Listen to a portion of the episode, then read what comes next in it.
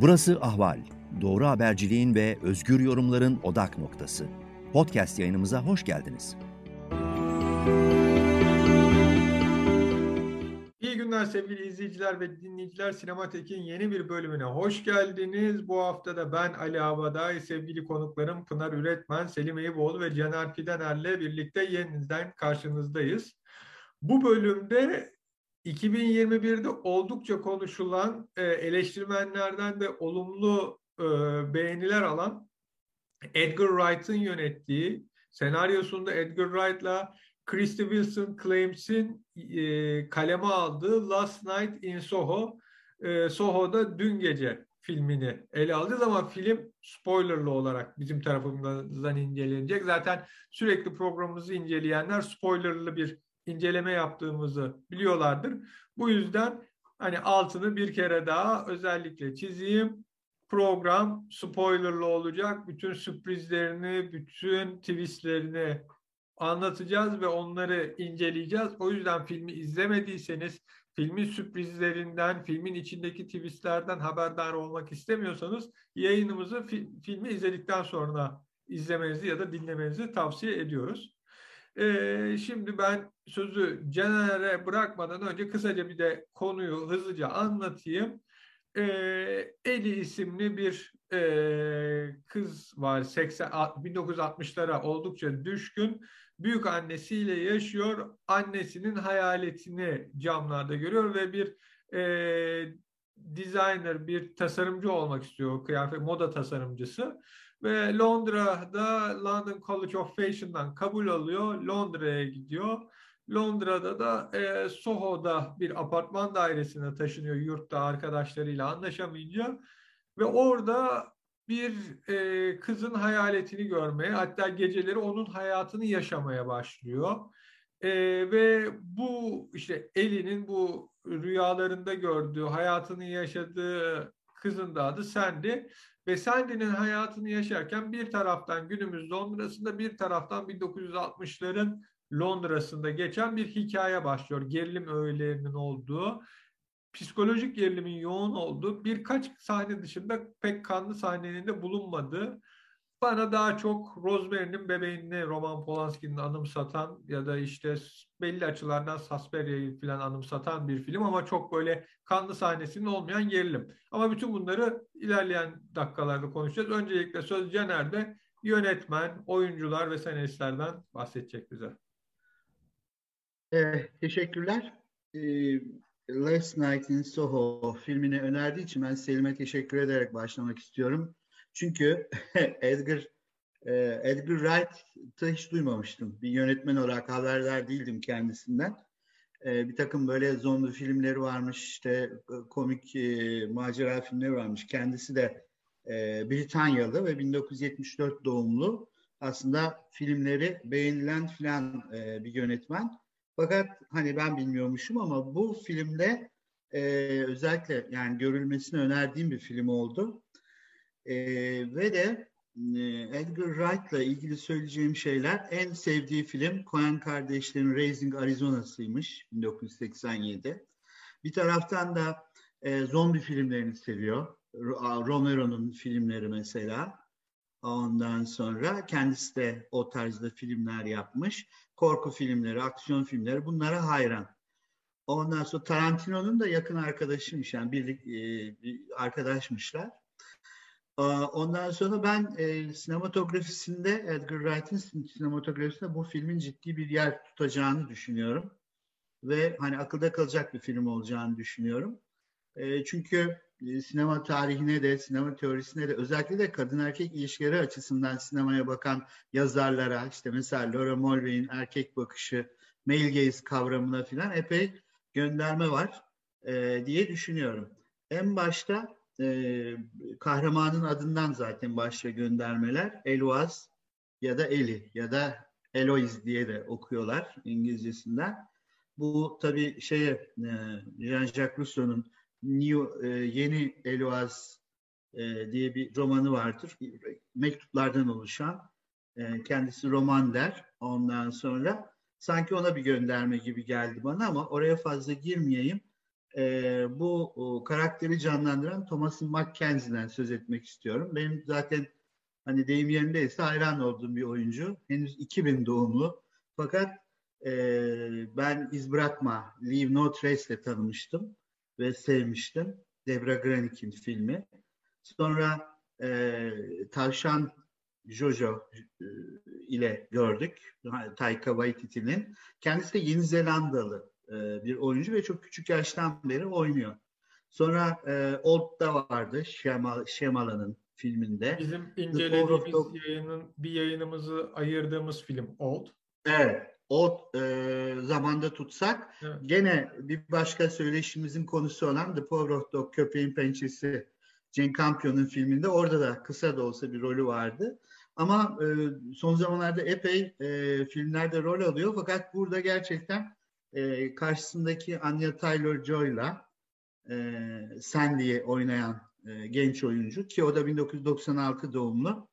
E, onunla birlikte bence çok iyi bir ikili oluşturdu oluşturmuşlar. Böyle paslaşarak çok iyi oynuyorlar diye düşünüyorum.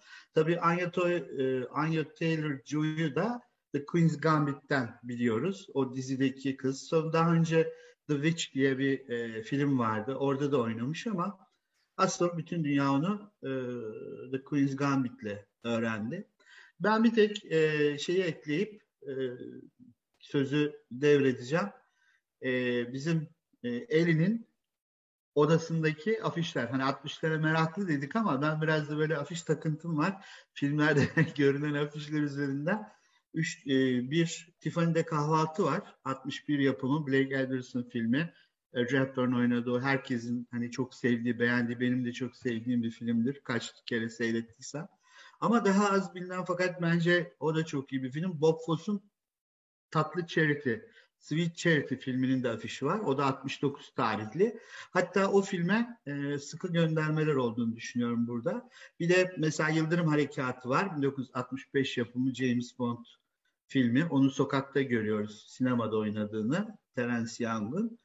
Ondan sonra e, bu Tatlı Charity'yi ben izlemelerini öneriyorum e, bizi dinleyenlere. E, onun başlarında bir tane parça vardır. Hey Big Spender. E, işte Hey Para Babası falan ya da Bonkör Çocuk falan diye çevrilebilir Türkçe'ye. Orada e, bar kadınları diyelim böyle 8-10 kadın bir şeyin e, çubuğun üstüne dayanarak hepsi farklı pozlarda e, oğlanı şey işte bir e, zengin müşteriyi e, davetkar sözlerle kendine çağırıyorlar. E, orada hepsi farklı şeyler güya e, hepsi farklı kadınlar ama aynı sözleri söyleyerek erkeği çağırıyorlar ve oradaki ilişkinin yapaylığını görüyoruz. Bir de e, şeyler kukla gibi oynuyor kızlar. Yani aslında işte kaderin oyuncağı kendi şeyleri yok gibilerden, e, inisiyatifleri yok gibilerden. E, sanki bu filmde e, Edgar Wright ona bir gönderme yaparak bir sahnede e, hatırlarsanız bizim e, kız Sandy farklı erkeklerle konuşurken erkeklerin her biri aynı şeyi farklı erkekler söylüyor bu sefer. Hani Adın öbüründe... ne? Çok güzel bir isim. Nasıl? Adın hani... ne? Ha, evet. Evet, o ne kadar güzel bir isim. O ne kadar erkekler değişiyor. Kızcağız da böyle aynı öbür filmde adamın masada oturması gibi. Bir tesadüf başka bir e, sebeple tatlı çerikliği geçen hafta seyrettim yeniden de derhal bu olay dikkatimi çekti. Ondan sonra e, işin içine aynalar falan giriyor. Bayağı derin bir film olduğunu düşünüyorum deyip burada ben keselim. Burada tatlı çeriti deyince ufacık bir şey söylemek istiyorum bu sahneden dolayı e, müzikler de çok özel. Yani şarkı sözleri aslında e, o hep filmin anlattığı şeyleri anlatan şarkılar koymuş. Çok özel şarkılar evet. seçmiş. Hikaye, yani hikayeye bir, katkıda bulunuyor. Evet, hem bir sinefil yani çok film göndermeleri var ama şarkılarda da çok göndermeleri var. Bir tane şarkı var. E, Sandy Shaw'un söylediği Puppets on a String diye bir şarkı. Hatta e, ilk Eloise e, şeyi e, Eli Sandy sahnede seyretmek için gittiğinde onun şarkı söyleyen değil orada oynayan kuklalardan biri olduğunu gördüğü sahnede söylenen şarkı. Mesela orada da böyle kuklalar şeklinde aynen tatlı çerite olduğu gibi kızlar kuklalar şeklinde oynuyorlar ve o şarkı da onunla bağlantılı. Puppet, Gene, hemen Türkçesini söylerim. Puppet on the string yani ipli kuklalar. İpli tam kuklalar. karşı. Evet yani e, filmin anlatısına da anlamına da çok uyuyor. Bir de Eloise diye Barry Ryan'ın bir şarkısı var 1948'de yazdığı. Mesela o da bu e, şeyin içinde filmin içine girmiş. Böyle çok fazla şarkı sözüyle de gönderme yapmış aynı zamanda. O zaman ben Selim'e sözü vermeden bir ek yapmak istiyorum. O da e, yöne, senarist Christy Wilson Cames'in kendi anlatısı. E, kendisi e, üniversite yıllarında Soho'da yaşamış. Soho'da çok ucuz bir evde kalıyormuş ve bir baharda çalışıyormuş. Yani bu filmde bizim gördüğümüz elinin çalıştığına benzer bir barda çalışırken oraya gelen kişilerin özellikle de kadınların hikayelerini dinlemiş. İşte biri Rolling Stones'un bateristi tarafından 16 yaşında Paris'te pasaportsuz bir zaman şekildeyken terk edilmiş. Kimisi e, seks işçiliği yapmış. Kimisi işte çok farklı kişilerle özellikle 60'lar tanışmış ve şöyle bir röportaj veriyor. Hani ben orada işte bu çalışırken bütün bu insanların anlattıklarını not alıyordum. Ama büyük annem Alzheimer'dı ve annem ona bakıyordu. Ben size hani burada ne işim var, hayat gayem ne diyordum. Fakat bir türlü bırakamıyordum. Asgari ücretle çalışıyordum. Ama işte yani bunları yazdım. Bu senaryoyu bir şekilde sattım ama orada da kaldım. Hatta yönetmenle ilk tanıştıklarında şey diyor Edgar Wright'la benim işte kaldığım yerde bir konuştuk. Kaldığım evin karşısın, karşısında genel evde hatta işte gibi bir açıklaması var. Yani sonra fark ettim ki hani o da benim gibi bir Soho insanı. Yani bu Soho kavramı biraz da şeye benziyor. Bu bizim artık günümüzde çok olmasa da bir Beyoğlu'nun andıran bir yanı da var Soho'nun İngiltere'de ama e, ses Caner sesin şey. Pardon. Ee, ar arka sesi olması diye kapatıyorum sonra unutuyorum. Beyoğlu'nun arka sokakları diye bir kavram vardır hani. Filmi falan da vardır. Evet. Biraz Soho Be Beyoğlu'nun arka yakası diye Tarık Akan'ın oynadığı güzel bir ha, film. Arka yakasıydı tamam. Evet, evet. Peki ben Selim'e sözü vermek istiyorum. Önce, ben de teşekkür ediyorum bu filmi izlememiz için önerdiği ve programda yapmamızı söylediği için ki izleyiciler Selim yani film sinemalara daha gelmeden önce bakın bu film gelecek bunu izleyelim ve bunu programda yapalım diye gerçekten bir sinema konusunda ne kadar seçici ve başarılı olduğunu bir kez daha bize en azından program öncesi gösterdi. Selim sen film için neler diyeceksin? Ayrıntılar nasıl buldun? Ee, ben çok beğendim. Çok yani provokatif bir film aslında. Kışkırtıcı bir film gerçekten. İnsanın beklentileri konusunda böyle ters yönlere doğru gönderiyor. Hatta filmin ilk yarısıyla ikinci yarısı hani ayrı iki film janrına ait diyebiliriz. Birinci yarı rüyayla ilgili ise ikinci yarı kabusla ilgili mesela. Yani birinci yarı işte 60'ları e, özel bir şey olan böyle takıntısı olan diyeyim bir karakter Elis e, ve şey e, nostaljik bir şey var, bağı var 60'larda ilgili. E, bir taraftan kendi hayatı ve kendi geleceği ilgili de çok umutlu zaten. Dolayısıyla ilk yarısı bayağı hani toz pembe e, başlıyor. E, fakat ikinci yarıda her şey tepe taklak dönüyor. Şimdi aslında bu film için birçok e, şey baktığımda sağa sola internette falan herkes tür olarak korku diyor. Hani sonuçta hakikaten bir slasher film, e, bir sürü şey e, gırtlak kesmeler falan e, görüyoruz filan ama bence hani bu bir alegori yani ve öyle 60'lardan başlayıp sonra kabusa dönmek filan e, bunların hepsi tek tek bakıldığında bir şeylerin metaforu aslında. Film ilk olarak e, Eli'nin mesela gazete kağıtlarından yaptığı elbiseyi giyip de A World Without Love yani aşksız dünya gibi bir şarkıyla başlıyor. Yani bu aslında bütün bir filmin altını çiziyor aslında. Gazete kağıtları da onun kişiliğiyle e, konumunu çok güzel anlatıyor. Çünkü dünya olaylarını yansıtan gazete yapraklarından bir elbise yapıyor. Her ne kadar o kağıtları, gazete kağıtlarını istediği şekle büründürüp de kendi tasarladığı bir elbise yapsa da o aslında dış dünyayı değiştiremeyeceği, o sert koşullarının olduğu, işte acımasız, aşksız, sevgisiz bir dünyayı aynı zamanda e, yansıtıyor. Onu ne kadar şekillendirse o olayların kendisinin akışını değiştiremiyor. Ve ilginç bir şekilde Londra'ya ilk vardığında taksi şoförü ona burası yine hep, hep aynı Londra. Yani değişen bir şey yok diyor. Sonra şey soruyor. Ne yapmaya geldin buraya diyor. İşte e, moda e, dünyasına şey yapıyorum diyor. E, model mi olacaksın diyor. Hayır tasarımcı olacağım diyor. Yani olamazsan da güzel bacakların var. Yani model de olabilirsin diyerekten şey yap. Ve bu bütün işte şeyin filmin aslında her şeyini söylüyor. Bütün bir filmin içinde hani bütün o e, e, moda tasarımcı olma dünyasıyla gittiği şeyde aslında ne kadar acımasız. Demin işte o kukla gibi oynatılan e, şeylere dönüşmesi e, kadınların ve bu dünyanın aslında bir acımasız bir erkek dünyası olduğunu film e, baştan sona e, çiziyor bence. Ve bu bağlamda aslında iki e, hatta üç e, şey e, film bana yani birebir benzemiyorlar tabii ki ama çağrıcı. Birincisi beni şaşırttı. Bu Soho'dan demin bahsettik. Soho'da geçen yine 60'larda bir film daha var benim çok sevdiğim. Absolute Beginners diye.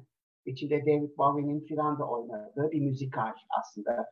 Soho böyle çok farklı bir Soho orada. Yani daha çok az e, düşük gelirli insanların yaşadığı ama siyahların, Asyalıların, beyaz İngilizlerin e, bir arada yaşadığı böyle bir kaynayan bir e, enerjik bir dünya. Sonradan oraya yatırım yapmak için, e, oraları almak için e, şey e, bir girişimde bulunuluyor ve e, bir şekilde oradaki direnci kırmak için yani orada kalmak isteyen insanları böyle bölüyorlar. Bir kısmı da faşist bir şekilde ırkçı e, bir tavır alıyorlar falan. Bununla ilgili bir filmde çok farklı bir Soho gösteriyor orada. O yüzden hani şaşırdım bu iki apayrı böyle Soho şeyinden. Fakat filmin sonunda bütün şeyleri atlıyorum o slasher olaylarını falan. En son e, e, şey e, Sandy aynadan geri bakıyor ve e, e, Ellie'ye göz kırpıyor. Yani e, bütün o şeylerden sonra öğreniyoruz işte oradaki apartman sahibi yaşlı kadın neler yaşadığını aslında e, şey e, Sandy'nin o olduğunu vesaire falan falan ama ondan sonra o e, şey e, göz kırpması bana şeyi hatırlattı. What Lies Beneath diye bir film vardır. E, şey Michelle Pfeiffer'la Harrison Ford'un oynadığı. Harrison Ford böyle ünlü bir beyin cerrahı galiba yanlış hatırlamıyorsam. Önceki kadın da evlenmiş, o kadın ölmüş. Daha sonra evlendiği kadın eve yerleşiyor fakat bir şeylerden şüpheleniyor. Evde bir şey var, garip tılsımlı bir şey var. Böyle e, objeler değişiyor. Sanki kendisine bir mesaj verilmeye çalışılıyor. Ve sonunda araştırınca anlıyor ki onu öldürmüş e, doktor. Ve bunu da öldürüyor anladığı için neler olup bittiğini. Denizin dibine böyle arabayla şey yapıyor, atıyor. Tam o sırada diğerinin hayaleti çok farklı bir hayalet imajı yüzerekten çıkıyor ve onu şey yapıyor. Yani iki kadın ayrı zamanlara ait, biri hayatta biri değil. İkisi arasında ilginç bir dayanışma e, oluyor bir şekilde. Hayalet hayatta olan ama ölmek üzere olan bir kadın hayatını kurtarıyor. E, buradaki göz kırpma da bana biraz e, ona e, benzettim şey olaraktan. Çünkü farklı düzlemlerde, farklı zamanlarda biri hayatta biri değil olan bir şey ama o aynı bir birbirlerini anlamak, görmek ve göz kırpmak da şey yapmak o anlamda böyle bir iletişim, olumlama, e, bir tür şey e, e, destek, dayanışma gibi bir şey e, gibi geldi bana. Son olarak da e, şey bu iki karakter arasındaki ilişki birinin öbürüne zaten şöyle bir şey var yani e, Sandy hayal mi ediyor yoksa filmin içinde gerçekten sanki bir Twilight Zone vari bir şekilde e, oraya mı gidiyor? O ikisi gerçekten filme göre varlar mı? E, buluşuyorlar mı? O kısmı ilginç bir şekilde böyle muğlak e, bırakılmış. E, dolayısıyla ikisi arasındaki e, ilişki sanki birinin olmak istediği işte evlarlarıyla başlayan Ellie'nin fakat ondan sonra bir şeyleri görüyor ve hani o dünyanın ne kadar acımasız olduğunu biraz şey hatırlattı bana. David Leach'in The Lost Highway'indeki iki ekstrem karakter. Yani bir tanesi orta yaşlı işte şey orta sınıf e, caz çalıyor iyi bir villa evi var vesaire ama böyle ilişkileri e, karısıyla böyle son bulmakta cinsel problemler var vesaire falan falan sanki bir şekilde yavaş yavaş ondan sonra parasız ama böyle çok viril, e, böyle şey e, genç böyle bir adama dönüşüyor falan. E, kendisi ne kadar böyle problemleri varsa cinsel veya farklı bir opposite yani şey olaraktan. E, hani Mobius Bank'tan bahsetmiştik daha önce de böyle bir kağıdı sekiz şeklinde böyle katlayıp şeyle de yapıştırdığınızda bir ucundan böyle parmağınızı dolaştırdığınızda diğer yüzüne ulaşıyorsunuz. Burada da sanki bu ikisi arasındaki e, ilişkide öyle bir şey var. Yani biri öbürüne dönüşüyor, öbürü de tekrar ona dönüşüyor. Yani o Mobius Band ilişkisi e, sanki e, bunda da var. E, burada sözü istiyorsanız birilerinize bırakın sonra devam ederiz. Ben sözü şimdi Pınar'a vermek istiyorum. İzleyicilerimiz fark etmiştir. Arkada aynalar var Pınar'ın. Filme atıf olduğunu düşünüyorum. Çünkü biz Pınar'ın bu arka fonunu daha önce hiç görmemiştik. Kitaplardan aynalara geçtim. Evet yani gerçekten ben de filmi çok e, severek izledim. E, ve çok şey anlattı bana. E, ben filmin biraz kolaj bir film olduğunu düşünüyorum. Yani gerilim, korku, işte hayaletler bir yandan melodram var. İşte kötü yola düşen bir kadın hikayesi üzerinden gidersek bir melodram var. Ve tüm bunların da sanki parodisini yapmış. Yani parodi unsuru da var. Ee, korku yeterince korku değil. Hayaletler biraz gülünç hayaletler. İşte parapsikoloji var bir yandan. Ne gerçek, ne yalan, hangisi doğru hepsi birbirine karışıyor. Ama bu ayna meselesi aslında filmin temelinde oturuyor ve hepsini de açıklıyor gibi düşünebiliriz. Ayna hem psikolojinin hem felsefenin çok temel konularından bir tanesi.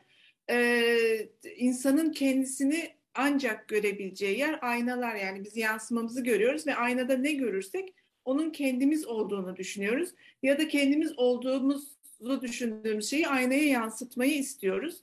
E, çok fazla bu e, şey kavramsal konulara girmek istemiyorum ben.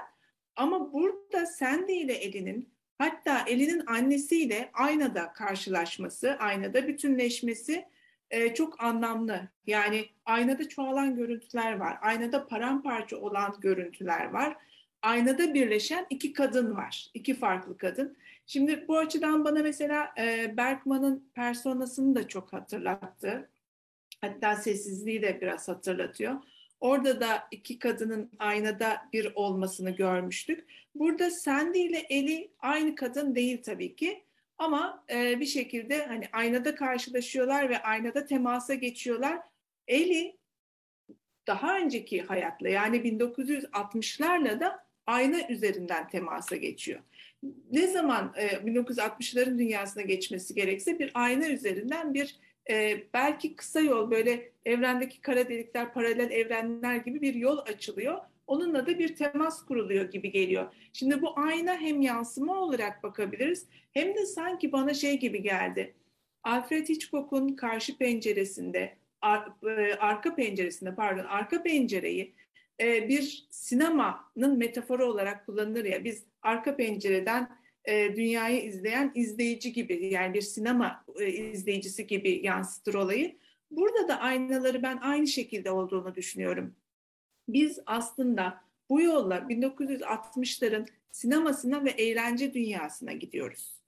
Ee, biz aynadan bakan izleyicileriz. Nasıl sinemaya e, karşımızdaki filme bakıyorsak işte o aynalar da aslında hani oradaki hayatlara baktığımız e, şeyler, yansıtıcılar bir anlamda. E, hemen akla getiriyor Laura Mulvey'in işte görsel haz makalesini. e, bu görsel haz makalesinde çok güzel anlatır feminist bakışı. E, insanların işte e, sinema e, film seyrederken, o ekranlara bakarken, perdeye bakarken e, kadınların ne kadar işte e, ikinci sınıfa itildiğini, eril gözle anlatıldığını, burada da yönetmen sanki aynı şeyi yapmış. Bize e, çok feminist bir anlatı dizayn etmiş ve bunu aynalar üzerinden yapmış. Burada tabii Eli'nin e, bir e, moda tasarımcısı olması da çok önemli. Eli başlangıçta 1960'ların o kadını çok güzel gösteren, arzu nesnesi gösteren kıyafetlerini tasarlıyor. Pembe tüller içinde havalı tas- tasarımlar yapıyor. Ama zaman içinde baktığımızda en sondaki defilede mesela tamamen kendine has, artık e, kişiliği olan bir kıyafete dönüşüyor. Bu filmde kadının arzu nesnesi olmasından yani sinemaya yansıtılan e, kişiliği olmayan sadece erkekte arzu uyandırması amaçlanan kadından gerçek hayata, gerçek kadınlığa geçişi anlatmış bir şekilde gibi geliyor. E, bunu da çok iyi vermiş. İşte aynaya yansıyan görüntülerde e, o şeyleri de görüyoruz. Aynayı kırmaya çalışıyor mesela Eli buraya bak diyor aynada. E, Sandy'nin aynaya bakmasını sağlamaya çalışan bir polis var mesela. O eğer aynaya bas- bakarsan kurtulacaksın diyor. E, bunları anlatmış e, diye düşünüyorum ben. Anne imgesi gene aynada verilmiş. O da çok e, ciddi bir şey e, yansıma yapmış. Yani her şeyden önce 60'ların sinemasını, eğlence sektörünü, oradaki kadının sadece arzu nesnesi olarak kullanılmasında çok güzel anlatmış, farklı bir açıdan anlatmış gibi geldi bana. Bir de şeyi eklemek istiyorum. Bu film bana e, daha önce de konuşmuştuk. Anet filminde çok hatırlattı. E, orada da bir müzikal vardı. Gene Rialto e, ana sahne olarak duruyor. Hem bu filmde hem Anet'te vardı hem de La La Land'de vardı Rialto sineması. E, bunlarda da mesela gene e, Anet'te de bir kuklanın gerçek bir kişiliğe dönüşmesi ve feminist bir anlatıydı. Çok paralel anlatılar yani etkileşim diyemem sanki çok arka arkaya çekilen filmler hangisi önce bilmiyorum ama bu yılın iki filminin böyle olması bize artık hani e, filmlerde de e, bu motiflerin daha çok kullanıldığını, e, böyle kolajlar yapıldığını, işte gerçekliğin arandığını ve feminist bakışın daha çok yer aldığını gösteriyor gibi. Ben burada Pınar'ın söylediklerine bir ek yapmak istiyorum. Benim kişisel fikrim ilk orijinal senaryo yani Christy Wilson Cames'in yazdığı çok sertti. Edgar Wright bu komedi unsurlarını içine ekledi. Çünkü filmi, filmitografisine baktığımızda özellikle Simon Pegg'in çok meşhur filmleri işte Shaun of the Dead, zombi göndermelerinin bence en iyi olduğu, en iyi zombi komedi filminin hem yönetmeni hem yazarı. Ondan sonra birlikte yine bir The Worst End'i e, yazıp yönetmişlerdir. Hot Fuzz'ı yazıp yönetmiştir. Simon Pegg filmlerinin İngiltere'de bayağı sevilen bir komedyen. E, Marvel'ın Ant-Man'in e, senaristlerinden biri. Scott Pilgrim vs. The World filminin hem yazarı hem yönetmeni. Yani baktığımızda filmitografisinde Baby Driver'a kadar komedi filmleri ağırlıklı ve yönetiyor, yazıyor, yapımcılığını yapıyor. Filmdeki komedi unsurlarını, o esprili unsurları ben Edgar Wright'ın eklediğini ve filmi böyle salt gerilim, slasher böyle çok karanlık bir noktadan onun senaryoya eklediği kısımlarla aldığını düşünüyorum. Çünkü önceki filmleri hani benim kişisel olarak çok beğendiğim, çok eğlendiğim filmlerdir. Mesela Ant-Man'de, Karınca Adam'da Marvel'ın şu zamana kadarki en eğlenceli süper kahraman filmlerinden biridir. Bununla birlikte e, bir de kişisel bir ekleme yapmak istiyorum. Şimdi bir de e, gençliğinin bir dönemini barlarda geçirmiş, barlarda çalışmış biri olarak benim hani gözlemlediğim bir şey var. Yani Türkiye'de, Amerika'da ama bu hani anladığımız İngiltere'de dünyanın neredeyse her yerinde aynı durum. Genç kadınlar mesela genelde üniversiteyi kazandıklarında, aile yanından ayrıldıklarında, yeni bir şehre geldiklerinde işte kısa bir süre sonra gece hayatıyla da tanışıyorlar, arkadaşları vasıtasıyla merak ediyorlar ve bara bir iki gelişten sonra işte onlara giriş bedava oluyor veya işte daha hızlı alınıyorlar. İçki bedava olabiliyor. Bir sürü kişi yanında beliriyor. Ona iltifatlar ediyor. E, ailenin yanından çıkmış yeni bir özgürlük içinde ve böyle bir kaç sene geçiyor. Bu hani özgürlük olarak görünen şeyin esasında bir kafese dönüştüğü ve başka bir yöne çektiğinde o şeyde fark etmiyorsunuz. Yani bu hem erkekler hem kadınlar için geçerli bir durum. Çünkü yaş genç, hayatını o dönem böyle bir e, hani farklı yöne sürüklemiş ve sonrasında hayatta başarılı olamamış bir arkadaşınız, örneğiniz yok. Her şey öyle sanki filmin ilk yarısında Selim'in söylediği gibi toz pembe geçecek gibi geliyor. Fakat aradan bir işte 5 yıl geçiyor, 7 yıl geçiyor. Şunu görüyorsun, işte o kadınlar, genç kadınlar yaşlanıyor ama başkaları bu sefer üniversiteye veya şehre geliyor. Bu sefer onlara kapılar açılıyor, onlara içkiler ısmarlanıyor. Bu belli bir yaşı geçmiş e, kadınlara bu sefer kapıda ücret isteniyor, bekletiliyor, içkilerden para isteniyor veya onunla ilgilenen erkekler o yeni gelen genç kadınlarla ilgilenmeye başlıyor. Yani orada bir değişim oluyor ve hani kimi barlarda da işte özellikle bu hayatı yaşamış kadın ve erkeklerin hikayelerini dinliyorsunuz. Yani gençliğimde neler yaşadım, kimlerle tanıştım, neler yaptım. Ama işte o sırada tamamen söylemese de hayat geçti ve şu an hani ben yine bardayım ama işte bu sefer o karşıdaki o görkemli barda değil bu bardayım ve her gece burada ben içip hayatımı bir şekilde geçirmeye çalışıyorum gibi. Hani o şeyi de güzel anlatmış. Büyük hayallerle gelip sonrasında o hayaller sırasında hayalleri peşinde koştuğunu, özgürleştiğini zannederken bir başka yapının kafesin içine girdiğini ve bu sefer hayatın artık bambaşka bir noktaya gittiğini. Ben o açıdan da filmi beğendim. Buyur Caner tabii. E, bu bu söylediklerinden e, şeyi de düşünüyorum. E, hani filmin türü nedir falan diye konuştuk tartıştık. Bir taraftan da bir büyüme filmi sanki. Bilmiyorum Selim ne der ama bir taraftan çünkü kızımız hani anneyle e, problemini de hallediyor finalde. Tabii işte alegorisi var. E, gerçekten yaşanmış şeyler var ve sonunda kızın bir şekilde değiştiğini, kendi kimliğini bulduğunu özellikle bu son defilede böyle bir şey görüyoruz. Yani onun için bir taraftan da bana bir büyüme filmi gibi geldi. Ee, ben ne deniyordu? Bir şey soracağım. Coming, coming of age diyorduk değil mi? Evet. Bir de şunu soracağım. Şimdi ne kadar janra uygun sizce film? Çünkü normalde biz neyi biliriz? Hani bu bir şekilde gözlem yapabilen hani yani diğer e, ruhlarla şunlarla bunlarla etkileşimi olan kişi hayaleti görür o hayalet üzerinden onunla bir bağlantı kurup onun başına gelenleri çözmeye çalışır. Ama bu sefer öyle olmadığını görüyoruz. evet. Bunu ne kadar mesela Selim diyecek ki bu evet sana uymayan bir yapıdır ama benim çok hoşuma gitti diyeceğini düşünüyorum bu e, farklı e, bir twist olmasının. Ama o evet, bana da hep öyle söylediğim gibi hani şey o kuralına uymuyor. Orada bir kural bozukluğu var gibi geliyor. Yönetmen sanki bir yerde şey yapmış, ters köşe yapmış gibi. Ee, orada da yapmış ters köşeyi, pardon.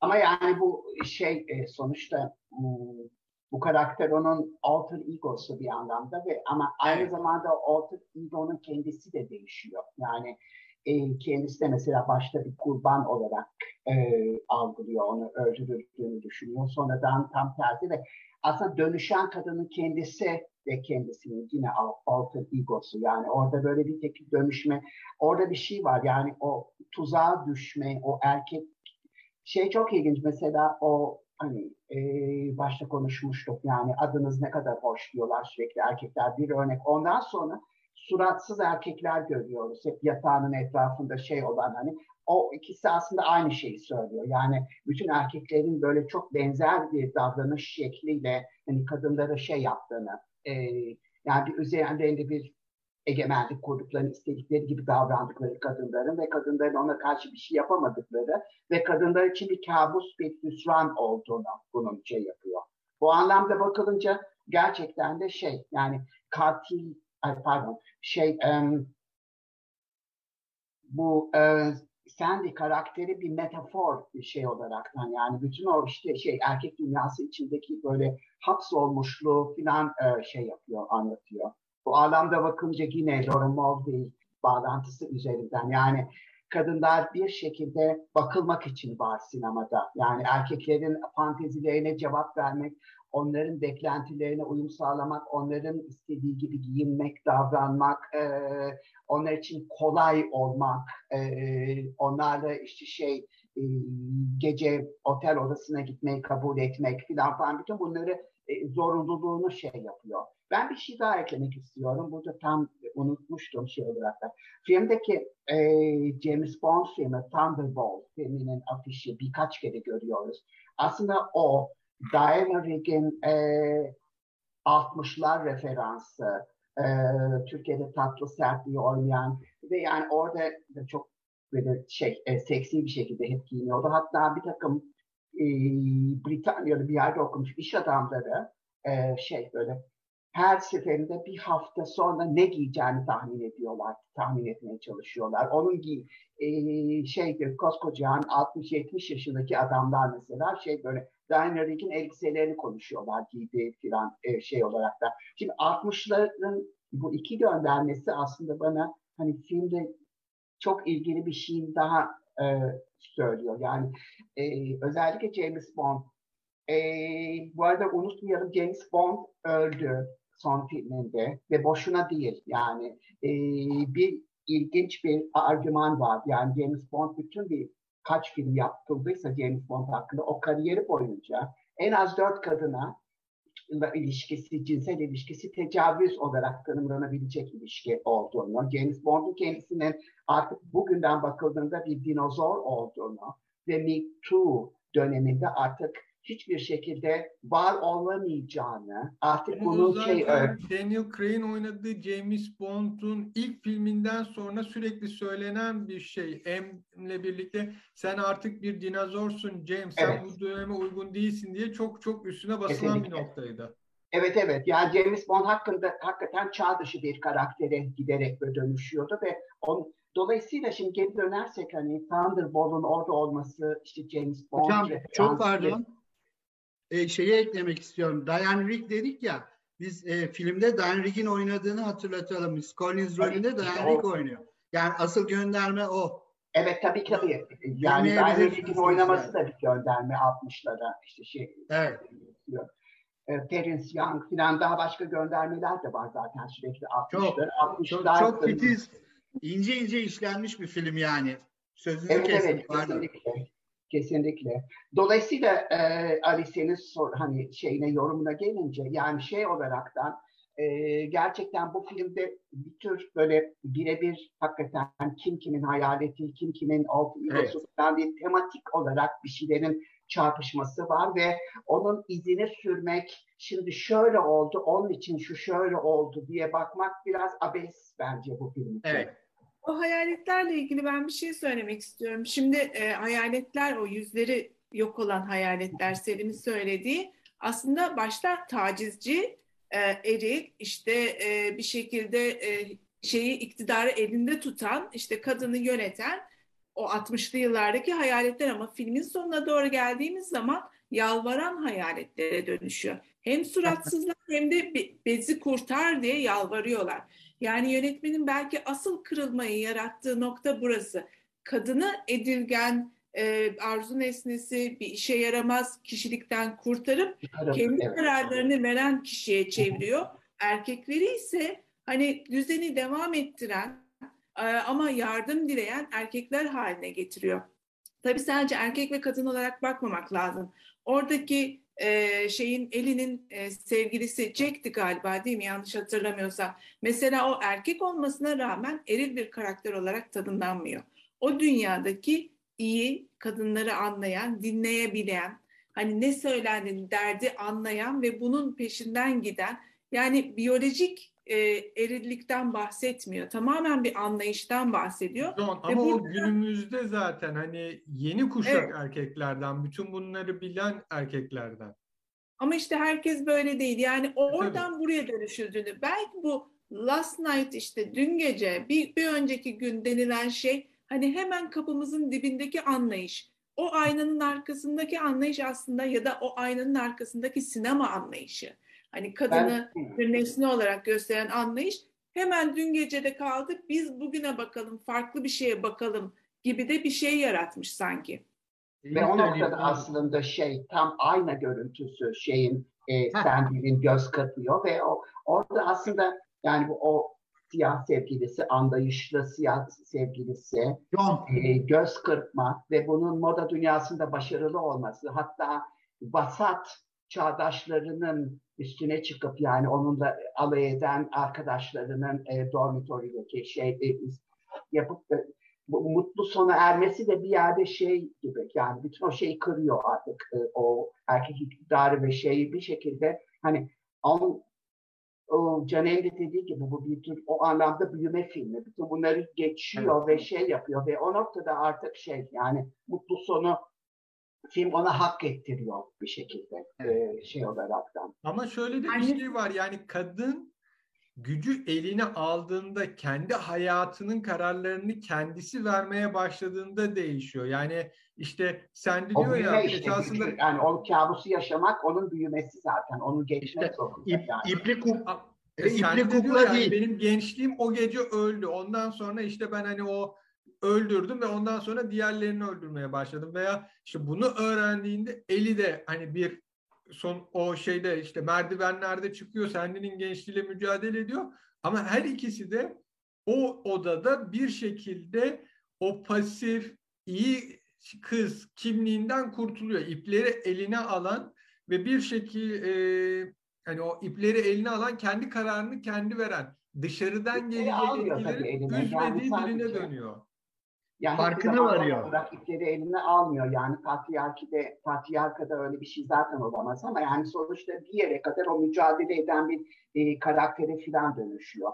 Benim 50'lerden ama çok sevdiğim bir film adı vardır. I Never Promised You a Rose Garden diye. Sana hiçbir zaman şey böyle güllü mü, e, Gül bahçesi, bahçesi bahçe- vaat etmek. söz vermedim gibisinden. Burada da hani o şey bir bahçesi hevesle geliyor böyle dormitoriye geliyor. Her aşamada biraz kırılıyor şey. Her aşamada aslında biraz daha gardını alıyor şey olaraktan. Taksi şoförünün yorumları hepsi. Aslında filmin en başında da annesinin yolundan gitmek için Londra'ya gidiyor. Yani kendi kararını değil annesinin kararını yaşamak için hani bir şekilde Londra'ya gitmek ve moda okumak isteyen, annesinin hayalini gerçekleştirmek isteyen bir eli var. Evet ama babaannesi yani anneannesi pardon London can be a lot diyor sürekli. Yani Evet. Londra böyle çok fazla gelebilir. Yani işte orada aslında üstü kapalı bir şekilde bütün bu filmde olanları aslında ima ediyor tabii ki. Ama sonra Eli hani kendi e, şeyine yaşadıklarına baktığımızda ve en sondaki defileye baktığımızda artık annesinin hayalinden çıkıp kendi hayalini gerçekleştirme yoluna da giriyor.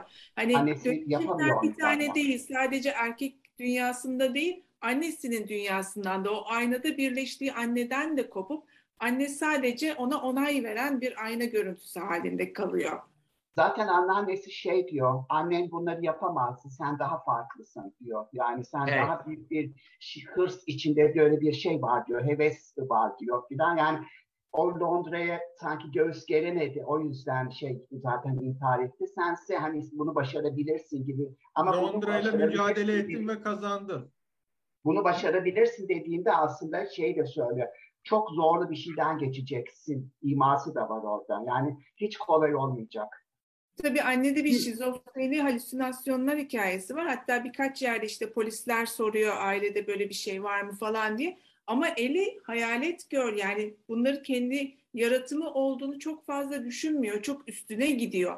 Hani orada da bir anneden kopuş ve gerçeklik e, üzerine de bir şey vardı. Ama annenin ne Evet. kadar şizofren olduğu da belli değil. Yani anne de benzer hayaletleri görmüş ama sonrasında e, şey bu şekle gelmiş olabilir. Caner Evet, sen bir şey diyordun. Ama intihar Evet. ediyor annesi. Bu ise kendi de bir yere kadar annesi gibi. Yani belki kendisi de hayal şey e, şizofren bir yere kadar yani metaforik anlamda konuşuyorum. E, kendisi de aslında bütün o şeyleri görüyor. Kabusları görüyor fakat oradan bir şekilde çıkabiliyor işte. Yani annesiyle farkı bence orada. E, yani bunu aynı zamanda anneyle barışma, anneyle bir kontrat gibi de belki görebiliriz. Hani anneyle barıştıktan, anlaştıktan sonra kendisi olabiliyor. Ben şeyi soracaktım. Bu e, bir de gri saçlı adam var. Terence Stamp'ın oynadığı yaşlı. Yani o karakter ve işte bizim kızın onunla ilişkisi falan onu nasıl yorumluyorsunuz? Yani geç geçmiş bitmiş bir şeyleri mi orada sembolize ediyor? Artık ulaşılamayacak şeyleri. O bağı kuruyor bence sadece. Yani bu gidiş arasındaki o e, bir bağ köprü kuruyor yani o köprü. gidip gelen dönemler arasında. Tabii o bir polismiş, eski bir polismiş ve e, sanki bu e, aslında şeye sen diye ne olduğunu, işin bütün şeyini, detaylarını biliyormuş gibi de bir evet, şey var. E, o hani e, çünkü en son konuşmalarında sen sen diye ne yaptın deyince herkes işte bedelini öder gibi falan bir konuşma oluyor. Biz sonunu görmeden bu konuşmanın anlamını çok e, çözemiyoruz. Ama orada anladığını görüyoruz. Hatta bir yerde sen şey e, Sandy karakteri, yaşlı karakter yani Alex. E, kıza diyor ki Eli'ye hepimiz kırdığımız aynaların bedelini öderiz gibi bir şey söylüyor. O e, şeyle sevgilisiyle gece odada olduklarında ayna kırılıyor. Ödeyeceğim sana bu aynayı ödeyeceğim diye sürekli Eli e, ısrar ediyor. Hepimiz kırdığımız aynaların bedelini ödüyoruz gibi de bir şey söylüyor. Yani bu, bu da anlamlı bir şey. Hepimiz bir aynalar kırıyoruz. Bir şekilde kendimizi var ediyoruz ve bunların bedelini de ödüyoruz gibi bir şey söylüyor orada sanki. Ben bir de Cennet, e, Selim'in demin dediğine şöyle bir e, karşı geleceğim. Orphan Black dizisi vardı. Hani orada da şey klonlar hani aynı kişinin klonları bir mücadele içindeydi. İlk başında bir tanesi mesela bu mücadeleye dayanamayıp intihar ediyordu. Ben öyle düşünüyorum. Yani annesi belki şizofren değildi. Annesi de belki bir şeyler görüyordu. Ama kızı kadar dayanıklı ve güçlü değildi. Bunlarla evet. baş edemediği için intihar etti. Yani filmin sonu itibariyle bir prolog, çekilirse hani buna da değinebilir gibi bir şey var. Hani yapılacağını çok düşünmüyorum ama hani aklıma da öyle bir ihtimal bir noktada yapıştı. Yani annesi şizofren değildi de bir şekilde annesi de görüyordu fakat bunu şey yapamadı, e, kaldıramadı. Çünkü öyle zaten. Kız daha güçlüydü. Bir de ağır geldi. şunu soracağım. Biz üç şey, erkeğiz. Londra, Londra ağır çok gelebilir diyordu ya. Anneye ağır gelmiş. Evet. Londra el at. Biz üç erkek bilemeyiz ama sen bu filmdeki elinin değişimini nasıl hani yani bir kadın olarak yani benzer bir değişim ben de yaşamıştım o 16'dan 18'e ya da 18'den 20'ye geçişte hani bunlar zordur gibi bir şey hissettirdi mi sana yani tekrardan ya da bu biraz abartı olmuş gibi? Ya tabii burada şimdi Eli de sen, sen gibi aslında birazcık metaforik bir karakter. Yani tüm şeylerin kendisine güvenmeyen, e, kendi adına var olamayan bir şekilde anneyi ya da başka bir erkeği ya da birilerini memnun etmek için kararlar veren bir kız çocuğundan kendi kararlarına veren bir genç kadına dönüşümünü anlatıyor. E, hepimizin tabii böyle şeyleri oldu. Yani bir kırılma anımız gençlikte yaşanıyor, ister istemez yaşanıyor. Ama şeyi görmek tabii çok önemli. Kimimiz hayat boyu göremiyoruz, kimimiz bir yerde görüyoruz. Ee, sürekli başkalarını memnun etmek üzerine yaşamak kadınların temel yaşam felsefesi halinde koyuluyor önümüze. Bu illa bir erkek olması gerekmiyor. Bir e, anneyi e, memnun etmekle başlıyoruz. İşte kız dediğin şu olur, evinde güzel yemek yapar falan, kadın dediğin şunu yapar diye öğretilen her şey e, sistemin sana e, gösterdiği ve senin onlara kendini iyi göstermek adına. Yani aynada iyi bir görüntü sunmak adına yaptığın şeyler. Ben ne istiyorum ve nasıl yaşamak istiyorumu dediğin anda zaten kırılan bir e, şeye giriyoruz. Sürece Aynen, giriyoruz. Bir projeksiyon aslında. Yani. Bir projeksiyon, evet. evet. Yani bunu kırmayı başardığı yerde kadınlar aslında kendisinin ne olduğunun da farkına varıyor. Yani sadece karşı çıkmak değil, e, ne olduğunu da bilmesi tabii çok önemli. Peki yani ben Caner'e bir soru soracağım. Caner, e, bu hani sinemada bir değişim var. Mesela geçen senede şey üzerine konuşmuştuk. Promising Young Woman. Evet. Yani Sence bu sinema dünyasında bir değişim var. Eskilerde hiç buna benzer böyle bir film veya bunlara bir atıf var mıydı? Bu değişimi sen nasıl görüyorsun? Ee, aslında e, Promising Young Woman'ı ben de düşündüm bu filmi görürken. Böyle e, ayna hayali de hani sadece işte Jungçu, Lacancı e, veya Molveyci ayna olayı değil. Bazı şeylerin ters döndüğü bir yer ya ayna. Sağ soldadır, sol sağdadır. Yani yönetmenler bu aynayı o şekilde kullanıyorlar ki bazı şeylerin ters dönmesi gerekiyor günümüzde. Hani filmlere herkesin ulaşabildiği bir ortamdayız artık. Adeta şeye benziyor bu. İşte matbaanın yarattığı değişiklik gibi bir şey. Kitapları işte otururmuş orta çağda bir manastırda keşiş e, hayatı boyunca bilmiyorum 50 kopya 100 kopya bir tane kitabı kopyalanmış. Ondan sonra bir matbaa geliyor takır takır basılmaya başlıyor kitaplar. Bugün e, diyelim ki bir 30 sene önce e, haftada işte gelecek hafta olsun da bizim sinemadaki film değişsin diye beklerdik. Şu anda oturduğum anda yüzlerce filme erişebilir durumdayım. Bu e, yeni ortamın getirdiği e, bir şey olarak tür kavramı, janr kavramının falan da artık değiştiğini e, bir başka yere, bir üçüncü boyuta gittiğini düşünüyorum. Bizim birkaç seferdir yaptığımız yayınlarda hep işte bu film hangi türe girer, şu özelliği var, bu özelliği var falan diye konuştuğumuz dikkatimi çekti. Belki de e, başka bir artık tür kavramının yetmediği bir yeni sınıflandırma, çoklu sınıflandırma e, ihtiyacımız ortaya çıkabilir diye düşünüyorum. E, herhalde e, şeye göre, içinde bulunduğumuz ortama göre e, tasnifler değişiyor. Ama her halükarda zihnimizin tasniflere ihtiyacı var tek tek algılayamıyoruz. konuştuk ama. Yani janrı evet. derken kalıp gibi böyle şu janra ait bu gibi tam tersine onun hep sınırlarının böyle geçişken olduğunu ve bir dönüşün içinde olan janrlardan bahsettik. Yani bu evet. filmde de mesela hani bu korku filmi mi yoksa atıyorum e, Toz Pembe bir Pollyanna filmi mi öyle başlayıp da sonra bambaşka yani bu filmde bile hani dönüşen e, iç içe geçen janrlar var. Yani Jan kavramının kendisi çok problematik ama eğlenceli kılan da jan üzerine düşmek tam da bu problematik yanı zaten. E, işte, Caner'in söylediği bir de şeyi hatırlar. Pardon Caner. Şunu bir cümle ekleyeyim. Ee, Selim'in söylediği gibi şimdi jan sözü aslında hani bu konu için düşünenler, akademisyenler için daha anlamlıdır ama mesela bir sadece sinema serisi sunan bir kişi için ben korku filmlerini severim. Aa bu da korku filmiymiş hadi bunu da izleyeyim gibi bir pratik anlamı var. Ama giderek izleyicinin böyle bir e, şansı artık kalmıyor diye düşünüyorum. Yani e, hani korku filmi dediniz öyle bir şey çıkmadı. yani onun için e, şeyleri de izleyicileri de daha çok düşünmeye ben ne istiyorum, ben hangi filmleri seviyorum diye düşünmeye sevk eden bir ortamdayız diye düşünüyorum. Sinema aslında zaten ama yani e, seyircinin de bir evrimi var sinemayla birlikte. Ha, Sadece evet, sinema değişmiyor biz o yani sinema tarihin en başında seyirci çok daha naifti. Olanları gerçek zannediyordu. Oyuncuları gerçek hayatta görünce eleştiriyordu. Hatta dövüyordu kötü karakterleri falan mesela. Yani sonuçta sinemayla olan ilişkimiz de bir şekilde değişiyor. Janrla evet. olan ilişkimiz de değişiyor. Çok daha sofistike bir seyirci var. Mesela atıyorum evet alt metinleri görüyor filmlerde. Bir şeyin westernken aslında başka bir şey olduğunu görüyor. Ee, bilim kurguda western görüyor mesela. Yani, yani sonuçta e, şey hakikaten biz de o masumiyetimizi ilginç bir şekilde kaybederek filmlerde evet. her seferinde daha farklı bir ilişki kuruyoruz her dönemde.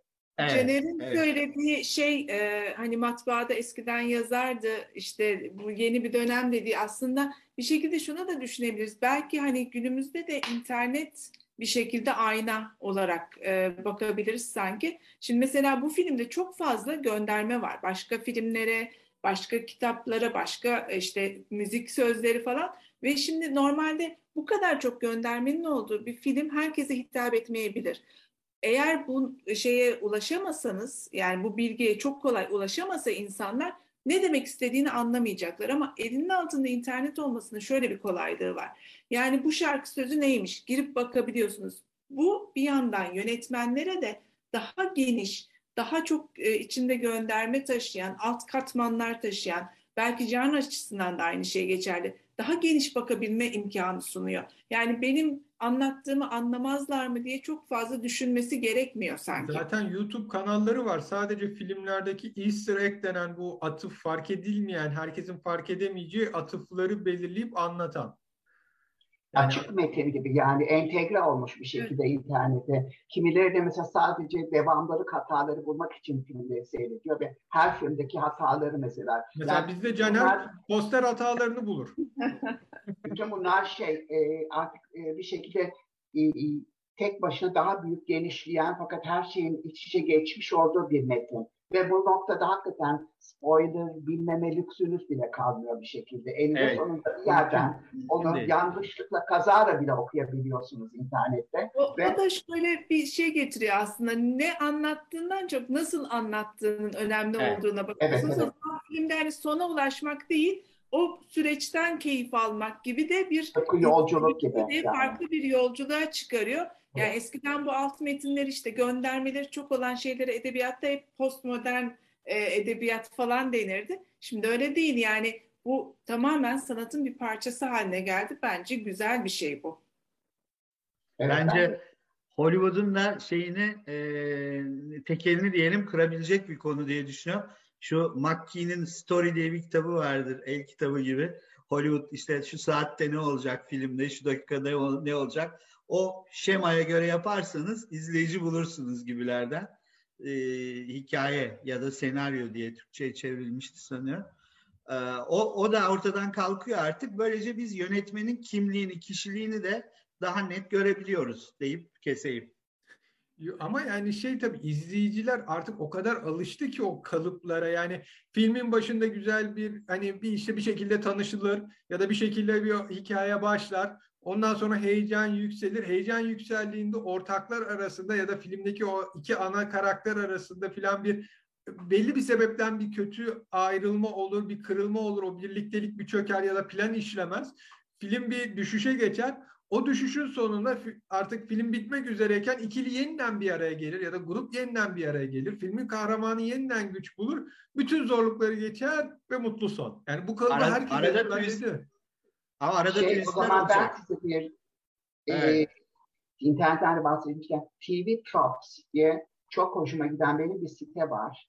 E, trop bir anlamda böyle minimal film klişeleri. Mesela atıyorum iki tane dedektifi bir arada çalışmaya şey yaparlar e, üstleri. İkisi birbirinden başta nefret eder ama siz bilirsiniz ki o noktada bir, bir yerden sonra kanka olacak bunlar mesela. Bunun gibi sonsuz sayıda klişeleri saptayıp filmlerde kategorileri ayıran ve tanımlayan ve bunu da bir humor e, şeyle, mizaçla yapan bir site.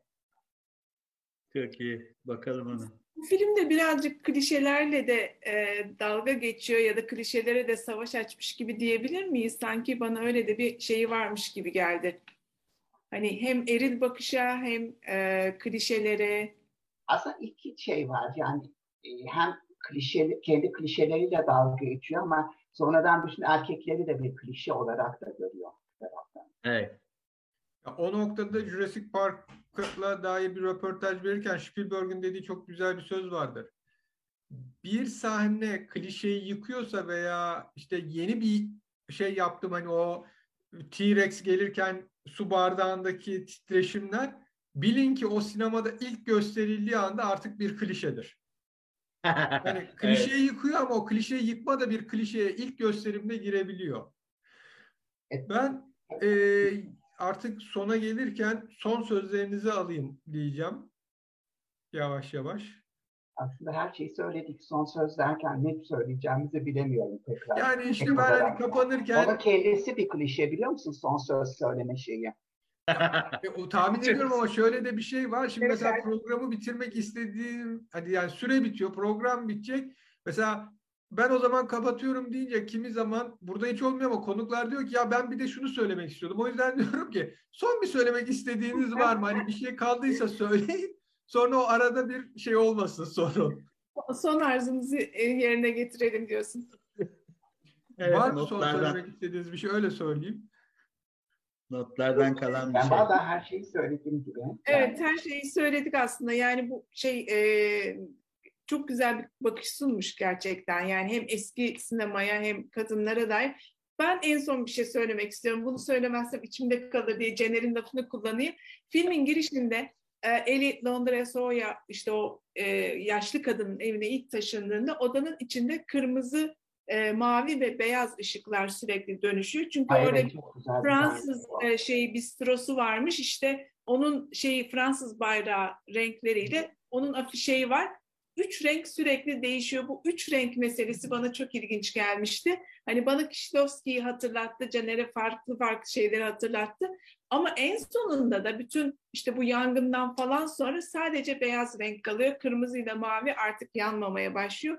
Bu da hani ilginç bir gönderme gösterme olarak e, düşündüm yönetmenin yaptığı. Güzel. Beyaz ışık tabii yani çok e, farklı anlamları da olan ölüme kadar götüren birçok e, şey açılımları var beyaz ışığın. Buradan da bir sürü filme sanki gidebiliriz yani yeni bir konuşma başlığı gibi. Evet. evet. Açık metniyle zaten onu kastediyoruz. Sevgili izleyiciler ve dinleyiciler, e, bir bölümün daha sonuna geldik. Dileriz bizim kadar siz de keyif almışsınızdır. Yayınlarımızı bildiğiniz gibi artık YouTube'dan izleyebilir, kanalımıza abone olursanız gelecek videolardan da haberdar olursunuz. Haberleri, ahvalleri okuyabilirsiniz. Twitter veya Facebook adresimize üye olduğunuzda da haberlere engelsiz bir şekilde ulaşırsınız. Gelecek programlarda görüşmek dileğiyle. Hoşça kalın, iyi günler. Ahval podcastlerini tüm mobil telefonlarda Spotify, SoundCloud ve Spreaker üzerinden dinleyebilirsiniz. Apple iPhone kullanıcıları bize iTunes üzerinden de ulaşabilir. Türkiye'nin ve hayatın cıvıl cıvıl sesleri Ahval Podcast dizisinde. Kulağınız bizde olsun.